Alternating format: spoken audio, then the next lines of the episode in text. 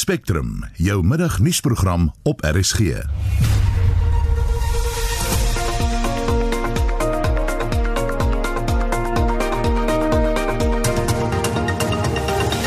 Goeiemiddag. In vandag se program nog wyd verspreide reën is op pad. Die Bloodhound Blitz is te koop. I've taken the car as far as I can do personally financially, and I'm looking now for to give somebody else the opportunity to do exactly the same thing that I did. If that means having to sell the car, then that's what I will do. But we are getting very close on running out of time. Noord-Kaapse veeboere gevra om teen slenkdal koors in te ent. En Pakistan skop vas teen die Proteas. Welkom by Spectrum. Die span is Wessel Pretorius, Lewona Bekes en ek is Marieta Kreer. Die Suid-Afrikaanse Onderwysunie sleep die departement van basiese onderwys hof toe omdat die departement versuim het om meer as 4000 tydelike onderwysers in Mpumalanga se salarisse vir Januarie te betaal. Die uitvoerende hoof van die SAOU, Chris Kloppers, sê hulle verteenwoordig 428 van die onderwysers. Hulle gaan 'n dringende hofaansoek bring omdat hulle meen die tydelike onderwysers is onregverdig laat gaan en dat die departement nie die kollektiewe ooreenkoms nagekom het nie. Lila Magnus het meer. Die hoofuitvoerende beampte van die Suid-Afrikaanse Onderwysunie, Chris Kloppers, sê die Unie het reeds die begin verlede jaar 'n ooreenkoms met die departement van basiese onderwys gehad dat die tydelike onderwysers op sekere voorwaardes permanent aangestel sou word. Die kollektiewe ooreenkoms bepaal dat na 3 maande, wanneer 'n opvoeder in 'n substantiëre pos is, wat dit beteken is nie dis die enigste persoon wat die pos beklee is die tydelike opvoeder. Na 3 maande van bevredigende diens moet daai opvoeder se status omskep word na permanente status. Dit moes al verlede jaar gebeur het. Hulle het nie by daai administrasie uitgekom om 4000 opvoeders se status om te skakel na permanente status nie. Maar hulle toe einde verlede jaar vir ons gesê vir al die vakbonde, moenie bekommerd wees nie. Met ingang vanaf 1 Januarie sal die kontrakte verleng word en dan sal ons by die administrasie uitkom. Hy sê die departement het nie by die ooreenkoms gehou nie. Hulle wil daardie salarisse spaar vir Januarie maand. Dit sal hulle omtrent 100 miljoen rand spaar en ons is nou besig om regsadvies in te win gebaseer op die wet op arbeidsverhoudinge en meer spesifiek 'n onbillike ontslag en ook die nie voldoening aan 'n kollektiewe ooreenkoms van die Raad op arbeidsverhoudinge. Klopper sê die sosiale impak in die provinsie gaan enorm wees as die mense nie betaal word nie. Daar is 4000 huisgesinne wat hierdeur geraak word. En nou kan jy self dink die trauma en die spanning wat in daai huishouding heers. Ons weet van jong mense wat getroud is, wat kinders het, wat op hierdie stadium wat ma en pa in dieselfde posisie verkeer dat einde van die maand is daar nie 'n salaris wat inkom vir ma of pa nie. En ons sê dit is ook uit daai perspektief uit absoluut onervaarbaar dat 'n werkgewer so met sy werknemers kan werk. Die SAOE hoop om teen die einde van die week te weet wanneer die saak in die dringende hof sal voorkom. Klopper sê indien hulle 428 lede suksesvol is, hoop hulle die uitspraak sal op al die tydelike onderwysers in die provinsie toegepas kan word. Pogings om die departement van basiese onderwys vir kommentaar in die hande te kry, was onsuksesvol. Ek is Lela Magnus vir SAIK nuus in Pretoria. Ons bly by skoolsake. Die Federasie van Beheerliggame van Suid-Afrikaanse skole, FETSAS, vra dat ondersoek ingestel word na die skoonmaak en die sanitasie van skoolgeboue in Gauteng. Dit volg op 'n verslag deur die onderwysdepartement in die provinsie wat toon dat minstens 430 miljoen rand die afgelope 3 maande hieraan spandeer is. FETSAS se bestuurshoof, Paul Colditz, het aan Marlenae Forsie gesê die besluit om skole te saniteer terwyl dit gesluit is, dui reeds op vermorsing. Ons weet dat hierdie skoonmaakprosesse plaasgevind het voor die skole heropen het. Maar op daardie stadium was die skole al lank toe gewees. Daar was geen mens by die skool nie. En die virus, die weet ons ook, se leeftyd was beperk tot maksimum 72 uur. So daar sou geen teken van enige virus op die skoolterrein of binne die geboue wees op die stadium toe hierdie groot koste aangegaan is nie. Hulle vra dat die spesiale ondersoekeenheid ook bepaal aan wie hierdie bedrag oorbetaal is. Ons het nou intussen ook gehoor dat daar baie bedrog plaasgevind het met die aankoop van persoonlike beskermende toerusting en saniteerders ensovoorts. So die saakie moet behoorlik ondersoek word om seker te maak want duidelik was dit vermorsing van geld. Goldet sê die skoonmaak van skole kon boonop goedkoper wees. 'n Mens kan die sommetjie maak, daar's net so 'n rupsie oor die 2000 skole, maar kom ons rond dit af na 2000 skole in Gauteng. En as jy daai 2000 nou indeel in die miljoene wat gespandeer is, dis net 'n eenvoudige onmoontlike som. Dit kan baie baie goedkoper as daar wel 'n noodsaak was om skoon te maak. Dit kon in baie gevalle deur die skole self gedoen word. Uh, hulle sou dit natuurlik teen baie goedkoper koste gedoen het en hulle sou dan net vergoed kon word deur die departement vir die werk wat hulle gedoen het. Hy sê daar is landwyd bekommernis oor onderwysdepartemente se besteding tydens die pandemie. Oor die algemeen is daar kommer oor die hele bestuur van die skoonmaakprosesse en die aankoopprosesse vir persoonlike beskermende toerusting nie net in Gauteng nie maar ook in ander provinsies in die land waar jy onder andere die versekering gegee word dat goed aangekoop is maar dit kom nie by die skole uit nie. En dan is mense nie seker of dit wel aangekoop is nie. En hoekom dit dan nou nie by die skole uitgekom het nie. Dit was die bestuurshoof van FETSA Paul Colditz Marlene Forsie SAK nuus Kom ons praat gou cricket sake. Pakistan is besig om vas te skop op die tweede dag van die eerste toets teen die Proteas in Karachi. Die Proteas is gister uitgehaal vir 220 en Pakistan staan nou op 246 vir 6. Nou storm Eloise swaar reën na die noordooste gebring het. Gaan goeie reën oor die volgende paar dae oor groot dele van die Noord-Kaap, Vrystaat, Oos-Kaap Noordwes en Gauteng uitsak. Dit is 'n direkte gevolg van Eloise. Vir meer inligting oor wat ons kan verwag, praat ons nou met 'n weervoorspeller van die Suid-Afrikaanse Weerdienste in Pretoria, Mbavi Maliaki. Good afternoon, Mbavi. Hi, good afternoon and good afternoon to your listeners. Can you explain to us why we are seeing heavy rain in some provinces now? So basically, um, I'm sure everybody has at some point heard about Eloise. Now, Eloise is no longer affecting the country. Um, Eloise is gone. However, Eloise left behind quite a lot of moisture over the country. And so um, this is what we're seeing with this development of rainfall um, in places over the Free State and the Northern Cape. It is almost um, I want to say the residue um, moisture mm. um, from Eloise. And now all that moisture has to go somewhere, and it's coming out now in the form of rainfalls that you're seeing um, in places in the Northwest and in the Free State and in the Eastern Cape. I'm very glad to hear about the Eastern Cape because they are in dire need of rain. Yes, they, had, there has been quite um, a, a, lot of rainfall just from midnight till um, this afternoon. Good. Uh, some stations have reported more than 40 millimeters of mm. rainfall, and yesterday some stations were even reporting um, over 50 millimeters of rainfall. So between yesterday and today, there are places in the northeastern parts where they've received more than 100 uh, millimeters mm. of rainfall, which is really good for them. Yes, yes. Bobby, how long will this continue for?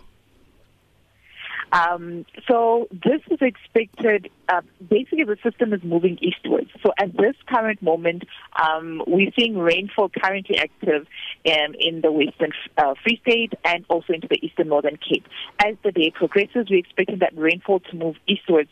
Um, maybe not with the intensity that we're currently seeing it now, um, but tomorrow we're expecting it over in KZN and in the Eastern Free State and also in Gauteng and Mpumalanga.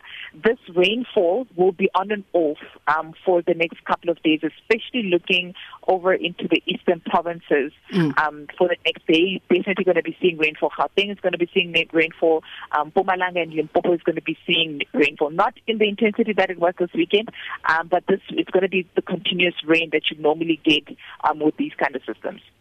Does the South African Weather Service have concerns of flooding in certain areas? Um, for the for the weekend, yes, definitely. We have um, had confirmed of flooding. Um, the low-fault uh, regions of Limpopo had terrible flooding. Um, the the dams were some dams were overflowing. Um, so certain places we've had confirmed um, confirm confirmations rather sorry confirmations of uh, someone passing away um, as the water washed them away in the low fault of Mpumalanga and also into the northern parts of KZN. Just today we received uh, confirmations of flooding um, in places in the northern Cape in Katu. There's some places that have flooded hmm. and also into the eastern free, or rather the western Free State. There's also been confirmations of flooding. Some people were unable to leave their houses because um, they, their yards were flooded. So there has been quite um, some widespread flooding in places. Do you, um, in the light of what you've just said, do you want to issue some caution or warnings to the public? Yes. Um, especially looking at the Eastern Free State, they have actually currently upgraded their alert to um, a level 9, which were basically saying that we are expecting um, severe impacts in those regions, and this is in the uh, in the Western Free State, especially um, in the Letameng, um, rather let's say the whole uh, Harib mm, region. Mm, mm. Um, those areas we are very concerned about it, um, and also into the eastern um, eastern eastern Cape. They have also received quite a large amount of rainfall. So if you are in those areas, we do um, we do plead with you to exercise caution. Um, especially we've seen people have driving through flooded roads and flooded bridges. We do really encourage people to not drive through flooded right. uh, bridges. Yes. Choose another option mm. um, to to go to go to wherever you want to go, um, and just really uh, just exercise caution in those areas that I've mentioned. Thank you so much Mbavi. Ons het gepraat met 'n weervoorspeller van die Suid-Afrikaanse Weerdiens in Pretoria, Mbavi Maliagi. Die Noord-Kaapse regering vra veeboere om proaktief op te tree tydens die reenseisoen. Die departement van landbou, grondhervorming en landelike ontwikkeling vra boere om hulle diere juis nou in te ent teen slinkdalkoors. Die virus word oorgedra aan diere deur muskiete. Die melkprodusente organisasie sê intussen daar is verskeie ander infeksies waarvoor boere moet voorsorg tref.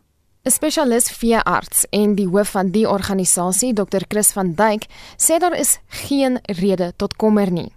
Die klem word egter geplaas op die voorkoming van siektes wat kop uitsteek wanneer dit baie reën. Nadat die reën opgehou het, gaan ons baie panne hê wat voorheen nooit um, water ingehaat het nie. Nou in hierdie panne gaan daar insekte wees, jy het veral muskiete en nou muskiete is bekend daarvoor dat hulle onder andere slengtaalkoors kan oordra.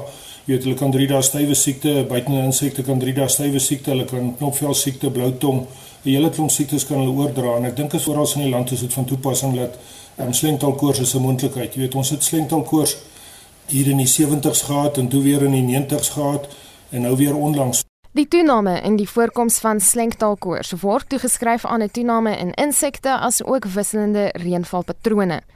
Alle herkouers word hierdeur geraak, maar dit wissel van spesies tot spesies. Dit veroorsaak dikwels misgeboortes en kan selfs daartoe lei dat ooe nie meer lam nie. Die virus kan ook oorgedra word aan mense. Die begin is ehm, 'n um, griepagtige simptome, maar dan kan 'n mens ook 'n paar ander simptome begin kry, weet jy, het gewoonlik baie erge kopseer, braking, meningitis of 'n breinvliesontsteking. 'n Ander ding wat 'n groot probleem is, is dat dit tydelike en selfs permanente blindheid in mense kan veroorsaak. En dan natuurlik die heel grootste probleem het ons het die vorige uitbreek het ons um, een van ons kollegas se veearts wat oorlede is as gevolg van dit. So ek dink as 'n mens nie seker is wat wat aangaan met 'n karkas nie, kry die veearts uit dat hy sy beskermende klere aantrek. Hy sal weet wat aangaan in sy area en of al wel al slenkdal is of nie. Hy beklemtoon dat boere eerder die veearts moet ontbied om vrektes te ondersoek as hulle onseker is en nie self moet oopsny nie. Vleis wat gekook word en melk wat gepasteuriseer word is egter veilig vir menslike gebruik, so hoef nie op te hou om die produkte te koop nie. Back in closeer kom ook die tyd van die jaar meer voor saam met verskeie ander infeksies. Daar's 'n hele klompie bakteriese siektes, jy weet ons Clostridia, goed wat tetanus veroorsaak en sponsiete en so aan, dit E. coli wat in die water kan voorkom, Salmonella wat in die water kan voorkom, dit kan ook oorgedra word na mense toe. Miltsiekte is ook baie keer 'n probleem, gewoonlik na so 'n erge reën En 'n mens kan byvoorbeeld as jy van daai water gaan drink, ongekookte water, um, is dit moontlik dat jy miltsiekte, leptospirose en 'n paar ander siektes, bakteriese siektes kan 'n mens wel kry. Daar's 'n hele klompie somme wat vir mense ook kan probleme gee, maar hulle kan nie regtig, jy weet, na mense toe oorgedra word nie en ook so nie die um, siektes soos rooiwater en anaplasmose, galsiekte en hartwater en so aan. Voorkoming is die beste vir weer. Diere moet ingeënt wees. As die diere nie ingeënt is nie, hulle word blootgestel aan die virus, kan hulle slengdalkoors kry en as hulle dit kry, jy weet, gaan hulle of doodgaan of hulle gaan aborteer. Die die ander ding omdat dit 'n insekoorgedragte siekte is of oordraagbare siekte is, sal ek voorstel jy weet as haar laagliggende areas is dat die diere liewers na die hoogliggende areas toe geneem word. Uh, mens kan natuurlik die diere dip ook, jy weet, maar nou met die klomp reën is dit baie keer moeilik. Dan die ander ding is as jy veral as jy 'n baie dier billet of 'n baie dier koei of wat ook al of 'n dier ram Um, sal ek voorstel dat hulle miskien um, snags op op stal hou. Jy daar kan 'n mens um, nog beter 'n um, muskietbeheer toepas. Dit was 'n spesialis veearts en die hoof van die melkprodusente organisasie Dr. Chris van Duyk. Marlene Forsie, SAK nuus. Jy luister na Spectrum. Die nuusagentskap African News Agency of ANA wat aan die omstrede sakeman Dr. Iqbal Survey se independent media groep behoort het bevestig dat hulle betaling van die staatsveiligheidsagentskap ontvang het. Dit spruit uit getuienis wat gister voor die Zondo-kommissie na staatskaping gelewer is. Om hieroor kommentaar te lewer, verwelkom ek nou vir professor Johannes Vroneman, 'n mediakenner en buitengewone professor aan die Noordwes Universiteit. Goeiemôre Johannes. Goeiemôre Marita. Die nuusagentskap sê in sy reaksie, dit is nie waar nie soos wat dit aan die kommissie voorgehou is dat hulle as 'n frontmaatskappy vir die staatsveiligheidsagentskap opgetree het. Jou reaksie? ja, dit is godsnaaks nie. Kyk, hulle sê dis nie 'n front nie, hulle het net geld ontvang. Uh, nou ja, wat is die verskil? Hulle 20 miljoen rand ontvang volgens uh, Dr. Mfumade en dit bevestig om uh, berigte te plaas uh, uit te stuur oor deur die agentskap wat die uh, veiligheidsagentskap van hulle gevra het om te doen. Nou uh, dit uh, op sigself is 'n uh, duidelike oortreding van enige uh, media etiek wat jy aan kan dink, maar dit is natuurlik ook 'n uh, uh, oortreding teen die mense van Suid-Afrika en dat mens natuurlik geweldig baie vinnig dink aan die 1978 inligtingskandaal mm toe die geld uh, ook van staatsweë betaal is om goeie publisiteit vir die staat uh, te bewerkstellig. Johannes, is dit aanvaarbaar dat hulle wel blykbaar opleiding aan internskapstudente van die veiligheidsagentskap verskaf het? Wel, dit is seker nie ehm um, verkeerd om opleiding te verskaf nie solank dit in die oop gebeur uh, of uh, hulle hulle self net spesifiek daarbey betrokke moet maak, weet ek nie, maar universiteite het ook in die verlede, ek weet sodanige opleiding verskaf want sommige mense het wel sekere kundigheid en as jy dit wil oordra aan staatsamptenare, uh, dit op sigself dink ek nie is uh, verkeerd nie, maar uh, die feit van die saak is dit is agter uh, natuurlik alles onder die tafel gedoen. En uh, die vraag is ook vir watter doel hulle hierdie tipe van opleiding gedoen het met die uh, die belangrike ding is dat hulle wel kom ons sê agteraf ehm, um, sekere propaganda uh gefasiliteer het uh, wat deur die staatsveiligheidsagentskap uh, vir uh, president Zuma eintlik maar gedoen het. En in daai opsig stem dit presies ooreen met wat destyds gebeur het met die inligtingskandaal geld is gegee om die citizen tot stand te bring sodat die goeie boodskap die goeie nuus oorgedra kan word. Presies dieselfde woorde wat nou vandag gebruik word. Wat maak ons van die bevestiging deur ANA dat hulle mediaberigte geplaas het wat spesifiek die Zuma regering in 'n goeie lig moes stel. Jy verwys nou na die ehm um, skandaal vroeër jare en toe was dit 'n verskriklike skandaal. ja nogals. Wel is presies dieselfde ding. In beginsel presies dieselfde. Mm. die bedrag maak nie regtig saak nie. Destyds is 32 miljoen rand as ek reg onthou gegee om die citizen tot stand te bring as 'n geheime projek. En uh, as mens nou dit uh, in vandag se taal sien is dit nou baie baie meer. So in daai opsig is die 20 miljoen uh, eintlik klein geld. Maar dis die beginsel wat uh, ja. wat verkeerd is. En dit is totaal onaanvaarbaar. Dit kan nie dit kan nie reg wees nie. Maar ek dink Marita mens moet dit ook sien in 'n breër konteks en dit is naamlik dat Dr. Iqbal Survey eh uh, wie se familie, so staan dit op hulle webblad, uh, alleen eienaars is van hierdie maatskappy, die uh, Sekunjala groep en daaronder val nou independent media en 'n klomp ander dinge. Maar uh, moenie vergeet dat die openbare beleggingskoöperasie het 'n uh, jaar of 2 gelede enorme bedrag geld uh, betaal ook vir uh maatskappye om aandele te koop, aandele wat later blykbaar niks werd was nie. En uh, vroeër ook is die geld verskaf om die independent groep te koop. En uh, so die hele projek wat dokter Survey uh, geloods het is die hele tyd met staatsgeld mm. gedoen of met uh, met belastingbetalers ja, ja. geld. So so hierdie wat ons nou sien is maar net 'n verdere uitvloeisel en bevestiging van daardie van daardie situasie en dit plaas independent media natuurlik absoluut in die kollig en dit op sigself is uh, is is 'n kommer want uh, independent is 'n belangrike media groep in die sin dat dit uh, die eienaar is van 'n klomp groot uh, koerante soos die Star en die Cape Argus ehm um, altesaam 9 dagblaaie het ek getel. So dit is 'n belangrike rolspeler in die media opset in Suid-Afrika en as hulle die hele tyd geld kry van die staat onder die, die tafel, nou ja, dan is daar 'n ernstige vraagteken oor daai maatskappy en hulle koerante. Ja, dis waar. Johannes, ons het in 2012 'n situasie gehad waar twee senior redaksielede van die Geselsradio 702, ek sal hulle name noem, Yusuf Abramji en Katie Katupudis, beskuldig is dat hulle mediaopleiding vir die Gautengse polisie sou doen. Dit is ontken. Maar dink jy daar is in beginsel iets daarmee verkeerd?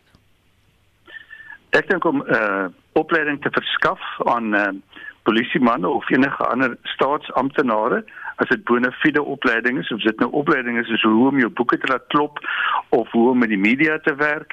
Ek kan nie dink dat daar meer iets verkeerd is op sigself nie solank dit uh, op 'n normale en korrekte manier finansiëel gehanteer word. Ek dink dis iets wat uh, gereeld uh, gedoen word. Uh, in die korporatiewe sektor ook word mense betaal om hulle top amptenare op te lei om hoe om met die media te werk.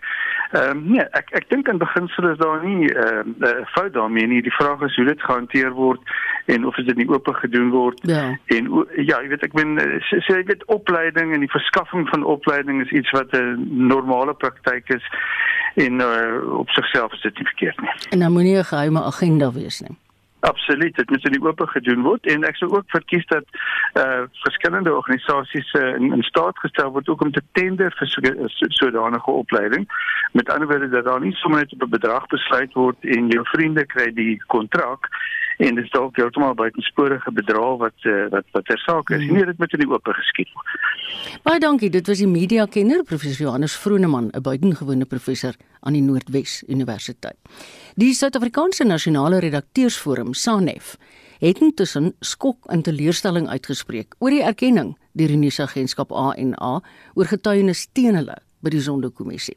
Die ANA uitvoerende hoof, Vasantna Angamutu, het in 'n verklaring gesê hulle het wel geld van die Staatsveiligheidsagentskap aanvaar om 'n multimedia opleiding aan ontleeders en internskapstudente van die SVA te verskaf. Maar hulle sê dis egter onwaar dat hulle as 'n frontmaatskappy vir die SVA opgetree het, aldus Angamutu. Sanef dring nou daarop aan dat die besonderhede van die ooreenkoms tussen die twee agentskappe volledig openbaar gemaak moet word. 'n Ondersoek moet ook gedoen word na verdere beweringe dat die Staatsveiligheidsagentskap finansiering vir die stigting van 'n media-uitsaaimaatskappy en die verkryging van 'n aanlyn publikasie voorgeskiet het. Die Staatskapingskommissie het vandag begin om getuienisse aan te hoor wat verband hou met die Staatsveiligheidsagentskap van 'n getuie wie se identiteit beskerm word. Estie de Klerk doen verslag. Die kommissie se getuienisleier, advokaat Paul Pretorius, sê die kommissie ingelig dat die getuie, meneer A, weens onvoorsiene omstandighede nie meer vandag voor die kommissie kan getuig nie. Meneer A het enkele dae gelede uit 'n koma wakker geword. Pretorius het egter aan adjunkregter Raymond Zondo gesê 'n ander getuie wie se identiteit ook beskerm moet word en voortaan as mevrou K bekend sal staan, sal wel kan getuig. Investigators and the legal team have been interacting with employees of SSA, particularly employees who are conducting ongoing investigations of a sensitive nature. Mr. Y is a member of that team and he was the person who provided an affidavit to the Commission after many months of hard work. He has just emerged from a coma and is quite indisposed, cannot give evidence. Ms. Kay can also give her own evidence, but she is not here to give her own evidence. She's here to confirm what she knows about the statement of Mr. Y. Implicated parties who are implicated by the evidence of Mr. Y have full knowledge of A, whether they've been implicated, and B, the basis upon which they've been implicated. The evidence will not go further than that. So They were the, served with Mr. Y's uh, affidavit. yes. Yeah. So Mr. Y affidavit will be presented to you and the evidence will be restricted to the contents of Mr. Y's affidavit. That knowledge is shared by Ms. Y. Miss Kay is coming to say, I've read Mr. Y's affidavit that has been submitted to, to the commission, which is the evidence that he intended to give in this commission. I know about a lot of matters that he deals with. I have personal knowledge of a lot of matters that he deals with in his affidavit. And I'm coming to confirm what he would have said because I also know it. Correct. That's the basis on which he's coming. Correct. Yeah, okay. Verskeie regsverteenwoordigers wat partye verteenwoordig wat aan die staatsveiligheidsagentskap verbind is, het kapsie gemaak teen mevrou K se getuienis om sekere van die feite in meneer Y se beëdigde verklaring te bevestig. Mevrou K het kort voor middagete begin getuig. Ek is Estie de Klerk vir SAK nuus. En nou na die buiteland. Die Amerikaanse Senaat se verhoor van oud-president Donald Trump oor klagte van aanhitsing tot oproer sal na verwagting binne 2 weke begin. Intussen het die nuwe president, Joe Biden, reeds 'n paar belangrike aanstellings gemaak en uitvoerende bevele uitgevaardig. Ons praat hier oor met professor Joansi van Wyk, 'n politieke ontleder en kenner van internasionale aangeleenthede. Sy is verbonde aan Unisa. Goeiemôre Joansi. Goeiemôre Marita. Die 100 senatore wat deel van die verhoor gaan uitmaak, is nou as juriste ingesweer. Beteken dit die proses is nou behoorlik op dreef? Dit wil tog so voorkom. Ehm um, gister het die Republikeinse party probeer om die grondwetlikheid van die besluit rondom die staat van beskuldiging ehm um, te bevraagteken. Hulle het ongelukkig die resolusie verloor in die Senaat. Ehm um, gewoonlik is die hoofregter ehm um, die voorsitter van so 'n tipe verhoor, maar ehm um, wat hulle nou sê is dat dit dan die grondwetlikheid daarvan bevraagteken. Hulle het wel, soos ek sê, die resolusie verloor en die proses gaan nou voor vir die begin daarvan op 9 Februarie. Dit is nog nie bekend wie Trump se uh, regspan gaan uitmaak nie. Hy het ehm um, um, iemand van Suid-Carolina het hy aangestel as sy hoofverteenwoordiger, uh, Butch Bowers, maar die res van sy span lyk my is nog onbekend. En dan intussen ehm um, gaan Kamala Harris as die visiepresident en dan die president van die Senaat nie optree as die voorsittende beampte nie, maar ehm um, 'n spesiale persoon uh, wat dan hierdie pos gaan bevul is dan ook 'n senaatslid van die demokrate Pat Leahy van Vermont wat dan hierdie proses gaan um, gaan bestuur. So die reëls is reeds dan aanvaar vir die verhoor waar volgens dit gaan plaasvind en die groot krisis is natuurlik nou dat wat Trump nou gaan aanvoer dan nou um, die vraag is gaan hy probeer om die proses dan nou te belemmer, um, obstruksies in die pad te plaas en die tipe aanvoering wat hy dan gaan nou bewyse wat hy gaan gaan lewer. Dit wil voorkom of die demokrate dan nou maar gebruik gaan maak van media, sosiale media bewyse en dan ook van die tipe um, toesprake wat hy gemaak het. So dit lyk my alles is dan nou reg sover vir 9 Februarie, maar soos wat jy self weet dat die die die ehm um, tweederde meerderheid gaan lyk my moeilik wees vir die mm. demokrate om te verkry en dit gaan beteken dat basies dan dat Trump dan nou gaan skotvry ehm um, kom van mm. hierdie proses maar dit is nog vroeg daar om dit dit dis te waar, sê. Dis is baie waar. Kyk, die juriste is mos nou verdeel tussen 50 demokrate en 50 republikeine. Dis Maar reg. 45 van daai republikeine is nie ten gunste van die verhoor nie. Wat dink jy is Ja. die uitwerking daarvan op die uitslag? Kyk dit dit gaan dis wat ek nou sê is dat dit gaan definitief 'n uh, uh, uh, belemmering hê op Ja. die finale uitslag van die demokrate en dit sal ons nou maar moet kyk. Mense kan nou intussen dink dat daar 'n geweldige uh, lobbying gaan plaasvind. Mm. Ehm um, en en natuurlik is die demokrate ehm um, in in die posisie dat hulle mm, natuurlik na die klagstaat neergesit het, maar die republikeine is natuurlik enerzijds onderworpe aan die aan die party se dissiplinêre kode, mm. ook aan die kiesers dan nou en dan wat is die houvas wat Trump dan nou nog op die party het. So so dit is nou 'n klomp uh, belange wat hier moet ge, be, uh, bestuur word en dit lyk ook asof van die republikeine alreeds regimente gekry het. Daar word uh, binne die party lyk dit my dissiplinêre aksie teen sommige van hulle oorweeg. So dit is ook 'n moeilike besluit dan nou vir van hierdie senatore aan die ja. republikeinse kant. Watter van die uitvoerende bevele wat president Biden uitgevaardig het, sou jy sê is die belangrikste? Goed, mense moet nou kyk dat daar's die die die bevele wat hy gegee het uh, uitgevaardig het van dag 1 af kan 'n mens basies verdeel in simboliese, politieke en ekonomiese mm. tipe goed. Ek dink die wat hy rondom ehm um, die die presidentskap van Trump wat hy ongedaan gemaak het is miskien die eerste aanduiding dat daar is nou 'n nuwe sheriff in die dorp. so ehm um, ek dink dit wat hy daar gedoen het was basies om 'n klomp van veral die laaste paar dae van Trump se presidentskap om dit ongedaan te maak. Dan die tweede is dan die uh, die uh, bevele rondom die die die COVID en die pandemie, die verskuiwing dan nou van verantwoordelikhede en geld en die tipe goed van mm. federale na staatsvlak. Daar's heel wat daarop gedoen, heel wat wat hy ook dan nou um, gesê het oor die immigrasiebeleid, die befondsing vir die Meksikaanse um, Ja. muur is dan nou byvoorbeeld gestop en dan ook tipe aanstellings wat Trump gemaak het wat dan nou ook nie kan voortgaan nie. Mm. Die ander goed wat hy gedoen het was basies dan nou maar ook om 'n tipe van 'n nuwe etiese inslag in die staat ehm um, struktuur te kry deur dan nou 'n etiese uh, verklaring wat uh, staatsamptenare uh, sou moet af mm. af lê wat dan ook nou aansluit by sy tipe um, heeltemal 'n nuwe van 'n uh, ander regering wat hy wil graag in in um, instel by in die Amerikaanse goed en natuurlik ook die die permit rondom die pypleiding die Keystone mm. XL pypleiding uh, met Kanada wat dan nou ook in pas is met sy buitelandse beleid van terugkeer na die Ja. Parys klimaatooreenkoms. Baie dankie. Dit was professor Joansie van Wyk, sy's van Unisa. En nou gaan ons oor na die sportveld saam met Shaun Jooste. Ons begin met cricketnuus en herinner graag dat RSG luisteraars op hoogte hou van gebeure in die eerste toets in Karachi tussen Pakistan en Suid-Afrika met dag 2 wat aan die gang is. Cricket Australië het hulle groep vir die toetsreeks in en teen Suid-Afrika bekend gemaak. Tim Payne word as kaptein behou, maar Matthew Wade verloor sy plek in die groep. Die reeks van 3 toetse sou in Februarie en Maart plaasvind, maar nog geen datums is tot dusver bevestig nie.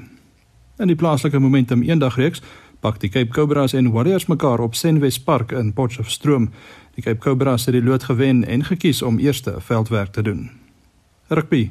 Die Cheetahs het 3 spelers, die slotte Reinier Bernardo en John Droste en die slot Aloluto Chakweni op korttermyn kontrakte tot aan die einde van Oktober geteken.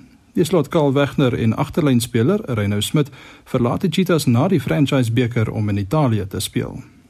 Ons sluit af met 'n paar sokkerwedstryde wat vandag voorlê. In die DStv Premierliga draf Black Leopards teen Mamelodi Sundowns en Bloemfontein Celtic teen Chippa United op die veld uit. Die twee wedstryde begin vanmiddag 5uur. In die Engelse Premierliga speel Burnley vanaand 8uur teen Aston Villa, Chelsea ook 8uur teen Wolves en Brighton and Hove Albion 09:30 teen Fulham. Everton kom ook teen Leicester City en Manchester United teen Sheffield United te staan. Beide wedstryde begin kwart oor 10. En in die Afrika Nasies Kampioenskappe takel Guinea en Tansanië en Namibië en Zambië mekaar vanaand 9uur.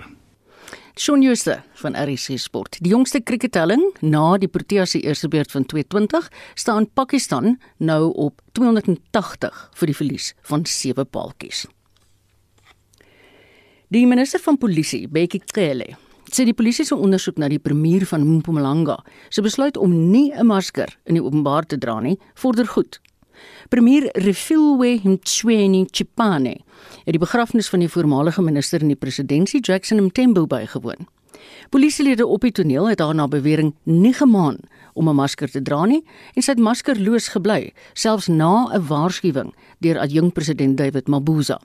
Weer Marlenae Hulle sê die ondersoek is tweeledig. In die eerste plek om te bepaal hoekom die premier regulasies verontagsaam het en in die tweede plek waarom die polisie nie hulle werk gedoen het nie. Hy sê die eerste deel van die ondersoek is so te sê afgehandel. The provincial commissioner has taken the premier to the police station and then has written the statement and has paid the fine which is admission of guilt and followed all processes like taking the fingerprints and the amount of money that was determined by the magistrate has been paid. Hy sê dieselfde proses wat vir landsburgers geld is hier gevolg. We follow two things. You pay the admission of guilty or you pay the fine or you choose to go to court and appear to court. If you are found guilty, you've got a criminal record. If you pay admission of guilty and then you take your fingerprints, you're creating yourself a criminal record. So the premier has opted for the first one. Die ondersoek na die polisielid wat die premier omhels het, sonder om haar te waarsku om 'n masker aan te sit, word intern hanteer. The officer there was there when the act of lawlessness when the crime was committed and did not act. So there are procedures within the South African police that will have to be followed. So I'm waiting for that report. Die voorval is egter in skerp kontras met 'n vorige voorval einde Desember toe die minister 'n jong man teëgekom het sonder 'n masker. Was dit nie vir 'n straatentrepreneur wat 'n masker aan die man gegee het nie, was hy op die plek in hegtenis geneem. Cele is gepeper met vrae oor gelyke optrede deur die polisie tydens 'n onderhoud met Sakina Kamwendo, die aanbieder van die SAK se Morning Live. There are other videos, and, and many of them on social media. I'm reminded of one where the young man is actually physically assaulted by police officers, where they ask him, Where's your mask? They proceed to slap him. And things like that has also incurred the ire of many South Africans. There will be videos that we need to look at, take those action. But there are many other good videos, unfortunately, that don't see the day, and many good police have done their work properly. We fully concede that some become extra enthusiastic and others they do what they're not supposed to do. Hy self is al oor die vingers getik omdat hy sy maskers op die verkeerde manier dra. We must all as South Africans put our mask, put it correctly. It is explained how and then that's why other South Africans including the law enforcement will remind you before they take you. I have accepted that and that was corrected and I hope and I believe that my mask are forever correct. Dit was die minister van polisie, Bekkie Cele. Marlene Forsie, SAK nuus. Marlene, jy sê die reguleringsowerheid vir gesondheidsprodukte SAFRA het pas bekend gemaak dat hy toegang tot die middel Ivermectin vir menslike gebruik sal hanteer. Mm. Hoewel dit nou nog nie amptelik beskikbaar is nie. Hoe staan sake? Die bestuurshoof Botumelo Semete Mokokotlela sê die huidige konteks en die erns van die tweede vlag infeksies het die besluit genootsaak. Beteken egter nie dat hulle die gebrek aan kliniese data oor die doeltreffendheid van die middel ignoreer nie en strenge riglyne is van toepassing. We will communicate in the next day or so with very clear guidelines in terms of what this control is going to look like. We've considered the risk benefit of having this product available. We will have to work very closely with the medical uh, pr- practitioners because they will be very important in the reporting of any safety effects, any adverse side effects, but also of reporting on any positive benefits of this. And so very soon we'll be engaging with them and um, taking them through this um, protocol. Dit was Botumelo Semeti Makokotlela, die reguleringsowerheid vir gesondheidsprodukte se bestuurshoof. Nou die besluit om die program te loods, lyk dit vir ons is ingespanne as 'n goue middeweg totdat genoegsame kliniese data ingewin is. So weer eens dit is nie gereedelik beskikbaar vir gebruik nie nog nie nou nie. En net toe ek geloop het om in die ateljee in te kom, mm. was die konferensie steeds aan die gang. So môre in monitor is daar heelwat meer besonderhede. Dankie Marlenae dat jy daai konferensie vir ons dop. Ons groet namens Marlenae namens Heinrich en almal wat gehelp het aan vandag se program as ook ons redakteur Wessel Pretorius en die produksieregisseur Lewona Bekes. Hoop jy het 'n lekker middag in die geselskap van RSG.